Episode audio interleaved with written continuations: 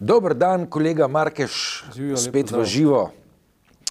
Uh, pa dejva uh, na dnevni red neko zgodbo, ki uh, je morda na prvi pogled uh, opomba pod črto zgodovine, uh, hkrati se pa v njej skriva verjetno več, kot bi na prvi pogled sklepali.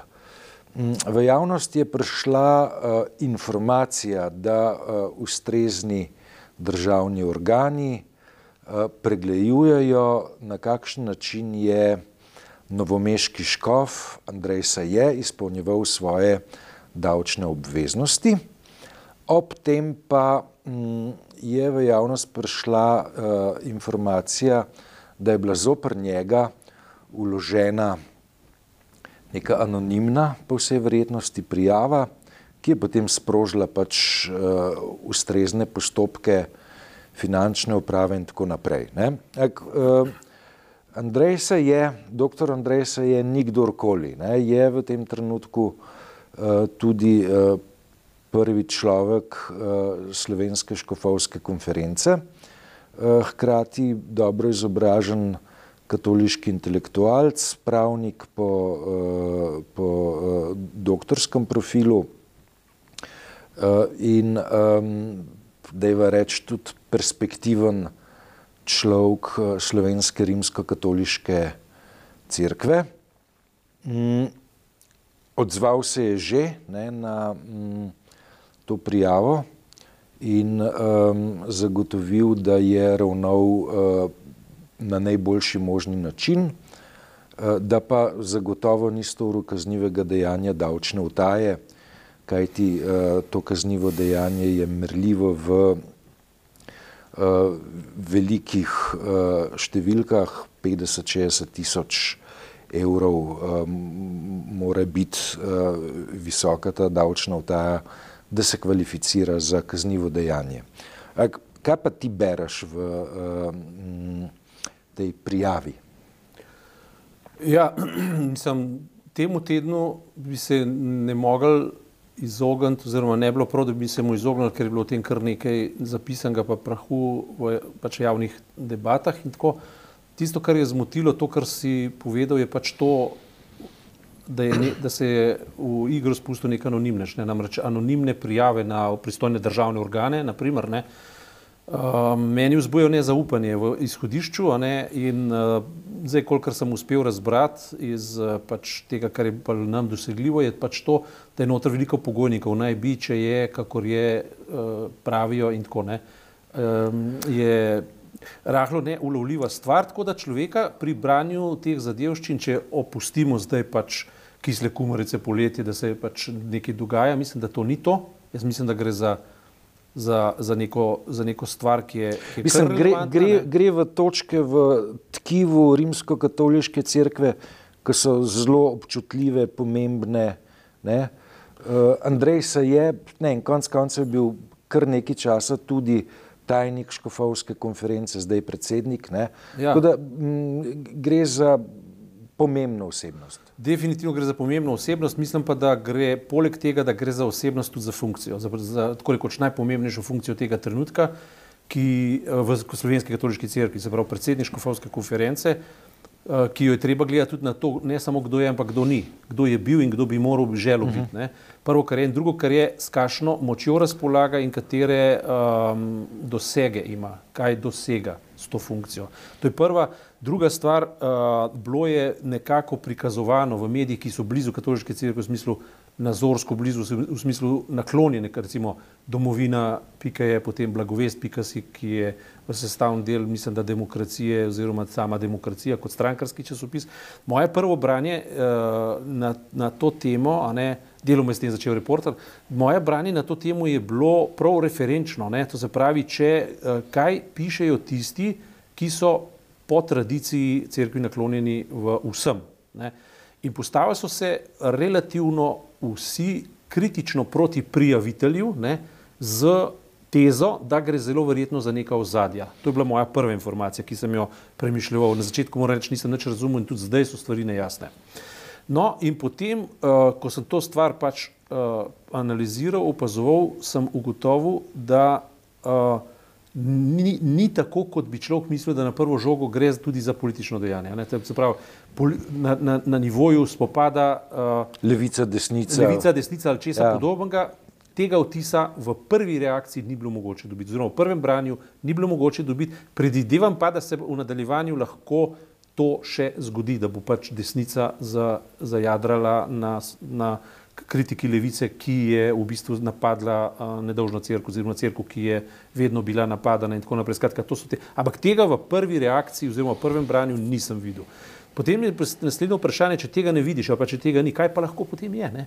In potem uh, interpre, prve blage interpretacije naklonjenih uh, uh, komentatorjev so pač bile, uh, da gre za uh, poskus levice diskreditirati crkvu uh, uh, in da je to zdaj trend tega, kar bo v nadaljevanju čez davčne zadeve in tako naprej. Ne.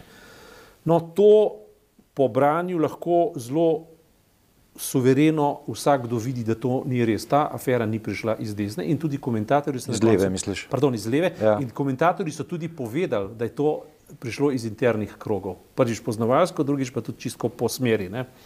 Se pravi, to sem prevzel in to lahko na podlagi tega branja vidim in na podlagi tega, kar sam poznam, vidim, to je prišlo definitivno iz desne strani, še več, prišlo je iz internih krogov, kar pomeni, da je prišlo iz internih crkvenih krogov. Ne?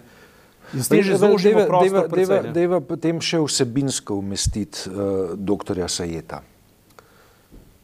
Doktor se je natanko človek, ki bi ga jaz v tej vlogi videl kot funkcijo, ne kot, oseb, kot osebo, kot osebnost. Okay. No kot funkcijo pa zato, ker je predsednik Škofovske konference, kajti če bi ga poskušal umeščati na podlagi uh, lojalnosti ali pa nelojalnosti ali pa stari, stare smeri crkve v odnosu do nove smeri crkve, ne? se pravi uh, recimo frančiškovske nove smeri crkve, potem, lahko, potem moramo pač videti uh, dr. Sajeta kot nekoga, ki je stal uh, na okopih proti dovolj.je, proti gibanju dovolj.je. On je na leta 2019, ko se je to začelo, uh, javno in tudi uh, sploh branil uh, pozicije cerkve in njenega molka proti zlorabam. To se pravi, on ni bil na nekih pozicijah, ki bi bile revolucionarne. Že samo kot predsednik Škofovske konference je pa, Tako, je pa to držal. Predsednik obrno. je pa držal nekako uh, sistematiziral, če rečemo tako, in obrnil do neke mere. Prav uskladil z politiko Vatikana. Je, in tu v tej vlogi je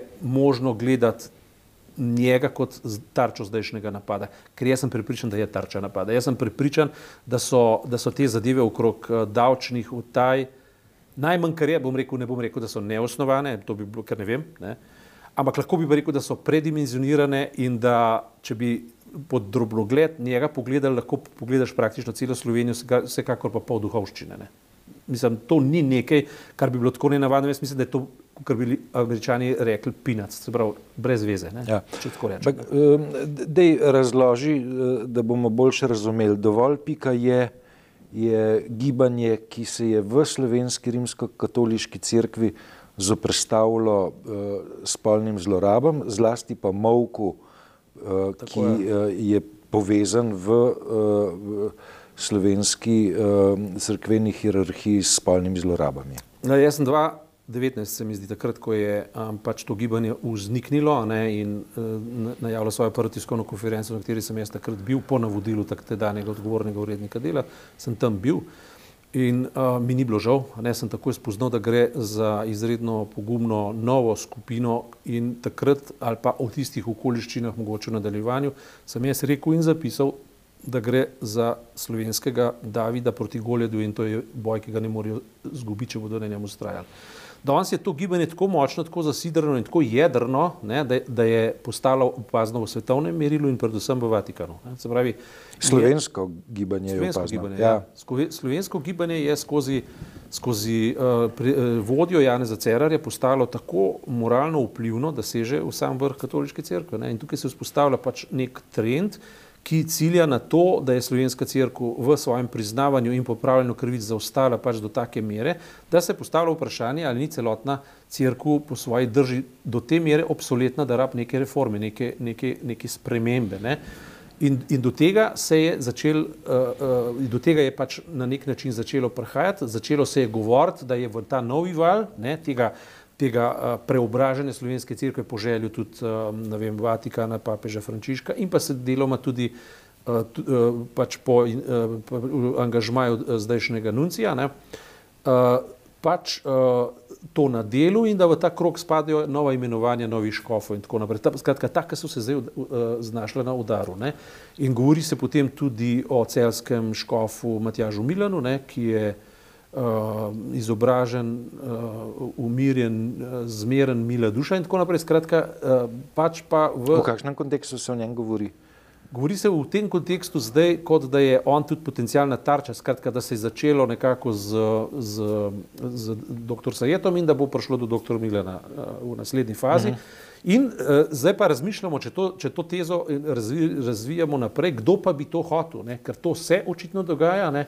in medijska pozornost uh, v širše pač debatah uh, je upozorila tudi na te širše kontekste uh, Eh, na nuncija, na, na, na, na zadovoljstvo oziroma nezadovoljstvo s papežem, na koncu koncev človek pride do enega intimnega prepričanja, ne, da v bistvu ultimativno gre tukaj za obračun za, za, za, za samim papežem oziroma za svetim sedežem. V, v mladini je bil objavljen zanimiv, pomenljiv intervju s kardinalom Rodetom, uh, Bernard Nežmah ga je delal, v katerem um, se da zaznati um, neko tako zelo globoko zavračanje um, sedanjega papeža, papeža Frančiška, ki ga sporoča uh, kardinal Rodene. Od tega, da mu niti ne med vrsticami očita, da je v primerjavi s prejšnjimi papeži uh, slabo izobražen, do tega, da mu očita, da uh,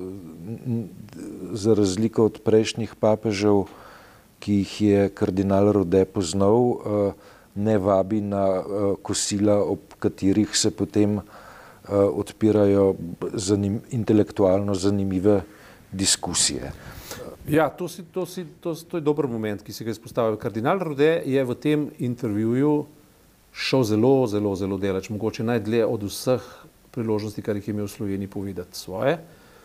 Uh, Delač je šel predvsem tudi zaradi tega, ker je uh, nekako ni, ni skrival, mogoče sovraštvo težka beseda, ampak antipatije do papeža. Ne? Se pravi, ultimativno je pokazal, da ga ne mara, hkrati, ne? in to pa je zelo, tu se je pa spustil zelo nizko, jaz mislim, da vulgarno nizko, ko, ko je papeža postavil, češ, da je intelektualno inferioren, da je izobrazbeno inferioren. Mm. To je pa, to je pa, pravi, mi imamo, da, da smo si posebno jasno, ne? mi imamo upravka z papežom Bergolijo, papežom Frančiškom, ki je po svoji karizmi, po pravi, voditeljsko-papeški karizmi, naredil v manj kot desetih letih več kot celotno 20. stoletje, govorim zdaj v smislu crkvenosti. Ko si upal suvereno trditi. Vključuješ v to statistiko tudi uh, papeža Jana za Pavla II. Absolutno, še posebej njega, pa tudi Pavla VI., pa tudi Jana za 23. Ne. Ampak bom tudi utemeljil, zakaj. Ne. V enem od zelo dobrih odmevnih člankov, jaz namreč dosta redno prebiram eh, eh, Lacroix, ne, eh, ki ima strahovito dobre analitike eh, in, in se v veliki meri referiram na njihove analize in to z celega sveta. Ne. In so pokazali na to, v čem je revolucionarnost tega papeža, revolucionarnost v tem pozitivnem duhovnem smislu, namreč v tem, da je on nehal slediti uh, globalizaciji sveta v smislu, crkva ni več protagonist dogajanja uh, v vzpostavljanju civilizacijskih norm, duhovno civilizacijskih norm, ampak se je odzivala na kolonializem, se je odzivala, potem se je odzivala na razmerje med kontinenti, odzivala se je na razmerje med rasami, na razmerje med kapitalom in nekapitalom. 50 let za Marksovim kapitalom se je crkva šele odzvala. Ne. Rerum novarum je prišel delež za zelo globoko mislijo Marksa in Engelsa kot odziv tega, ker krščanski socialni nauk je za, za pol stoletja zaostajal za, za temi trendi, ki jih je v bistvu filozofija že postavila dost prej. Te, analitsko, potem pa seveda še praksa v obliki revolucije in tako naprej. Skratka, crkva se je vedno odzivala. Uh, papež uh, Frančišek je zdaj prvi papež v, dobro, za nazaj ne bom segel, ampak recimo v času moderne, ne, ja. ki je trend obrnil in enostavno rekel, zdaj se pa mi postavljamo na pozicijo evangelija, v katerem pogledamo človeka, revščino naslavljamo iz perspektive, da jo je treba odpraviti, gledamo na človeka ne iz, vidike, iz vidika kontinentov, ne iz vidika kolonializma, ne iz vidika bogatih proti revnim, ne iz vidika kapitala, ne iz tega onega tretjega izobražbenega vidika, ampak v čisti njegovi človečnosti in izvornosti. To je, to je se pravi, on je revolucioniral teoretski pristop ali pa če hočeš duhovni pristop cerkve, ki ga celotno 20. stoletje ni bilo sposobno ujeti. Ne. In zdaj pa tako, ne, iz intervjuja, ki si ga omenil, ne, pa, pa kaj pa sporoča kardinal Rode, ki je v bistvu eksponent kurije v, v, v starem pomenu besede, ne, da je cerkev cerkev aristokracije, da je to cerkev visoko izobraženih ljudi, ki na druge ljudi lahko pogledajo z nekim ponosom, mi pa vemo nekaj več da je to crkva, ki se ne sme sramovati simbolov, kot so goričane, kot so gradovi, kot so naslo, plemiški naslovi, kot so privzdignjenost na druge in podobne stvari, ne, ki so dobesedno obsoletne postale. On je to inauguriral kot vrednoto in to brez sramu. On je preprosto povedal, naši koncepti se bistveno razlikujejo. Ne. Mislim, pa, pa, pa primerjal se je tudi s knezoškofom Jegličem. Ne? Tako je. Knezoškofov sta bil že v njegovem času program in vse to bi bilo brez problemov predmet tolerance, če bi v njem videl neko duhovno vzajemnost. Ampak tukaj, pravi, ta intervju izraža pa zagrenjenost. Zagrenjenost, in, in če jo kombiniram s tem, kar sem bral spet v časopisju, v, v pač analitskem, času, tujem analitskem časopisju, konkretno sem imenoval Lakva, pa tudi druge, ne, uh, pokaže na to, kakšni hudi boji se bijejo v Kuriji ta trenutek z reformami, ki jih papež Frančišek bolj ali manj uspešno tam izvaja. Nekateri pravijo celo, da neuspešno, se pravi, da je poskusil in da mu ni uspelo in da, da je prišlo zdaj do nekega protisunka. In ko sem vse to skupaj izložil, imam vtis, kot da je kardinal Rode del tega protisunka, ki ga poskuša seveda uh, artikulirati, na nek način pa aplicirati tudi v prostor, iz katerega izha, duhovno izhaja, to je pa slovenski prostor. Ne? In zato sem se začel nagibati k ideji, da, da to dogajanje prvič sploh ni poletno ali pa kumarično, ne? da tudi ni dogajanje, ki bi bila neka blaga praska, ampak da gre za, za zelo premišljeno, zelo temeljito, zelo šahovsko, ko ne rečem, navdahnjeno s potezami za tri poteze naprej uh, in, in tudi nekoliko podmizno de, delovanje. Se pravi, to so zdaj, se pravi, to so zdaj moji vtisi, ki mislim, da so pravilni, ne morem ta trenutek še zadnje besede povedati, ampak mislim, da ta tema, ki so jo zdaj odprla, pravzaprav je kar pomembna tema in da ji bo v prihodnih tednih, mesecih, predvsem ne smemo izgubiti iz, iz spomina. Zato, ker mislim, da, da, da vtegne dobiti celo politične dimenzije, mislim, da vtegne celo v to smer, da recimo, da bo na koncu golobova vlada kriva zato, ker crkva hoče ponovno obdavčati, kar se bo verjetno zgodilo, ali pa nekaj od tega bo verjetno hotla, da bodo poskušali narediti finančni red. V, skratka, to je ena stranska zgodba, ki bo iz te afere lahko uvlekla. Aha, se smo rekli, pogledajte, to je bilo pa že prva afera v luči tega, kar vlada dela. Vlada pri tem, sem prepričan, nima nič, levica pri tem, sem prepričan, nima popolnoma ničesar. To je popolnoma interna zadeva in je očitno zelo spletkarsko dovršena. In, uh, in, in moram reči, če bi gledal, jaz nisem dober šah izploh ne, me pa mika, ne se učim in tako naprej. Mislim, da je šahovsko zelo, zelo spretno zaigrano ta, ta zadeva. Ne. In jo bo, in jo bo verjetno um, treba kar podrobno opazovati. Ne. Verjetno so poteze kuvertirane, ne. na tej točki končava, ko bo kuverta z naslednjo potezo odprta, se vrneva k tej temi. Drži, drži.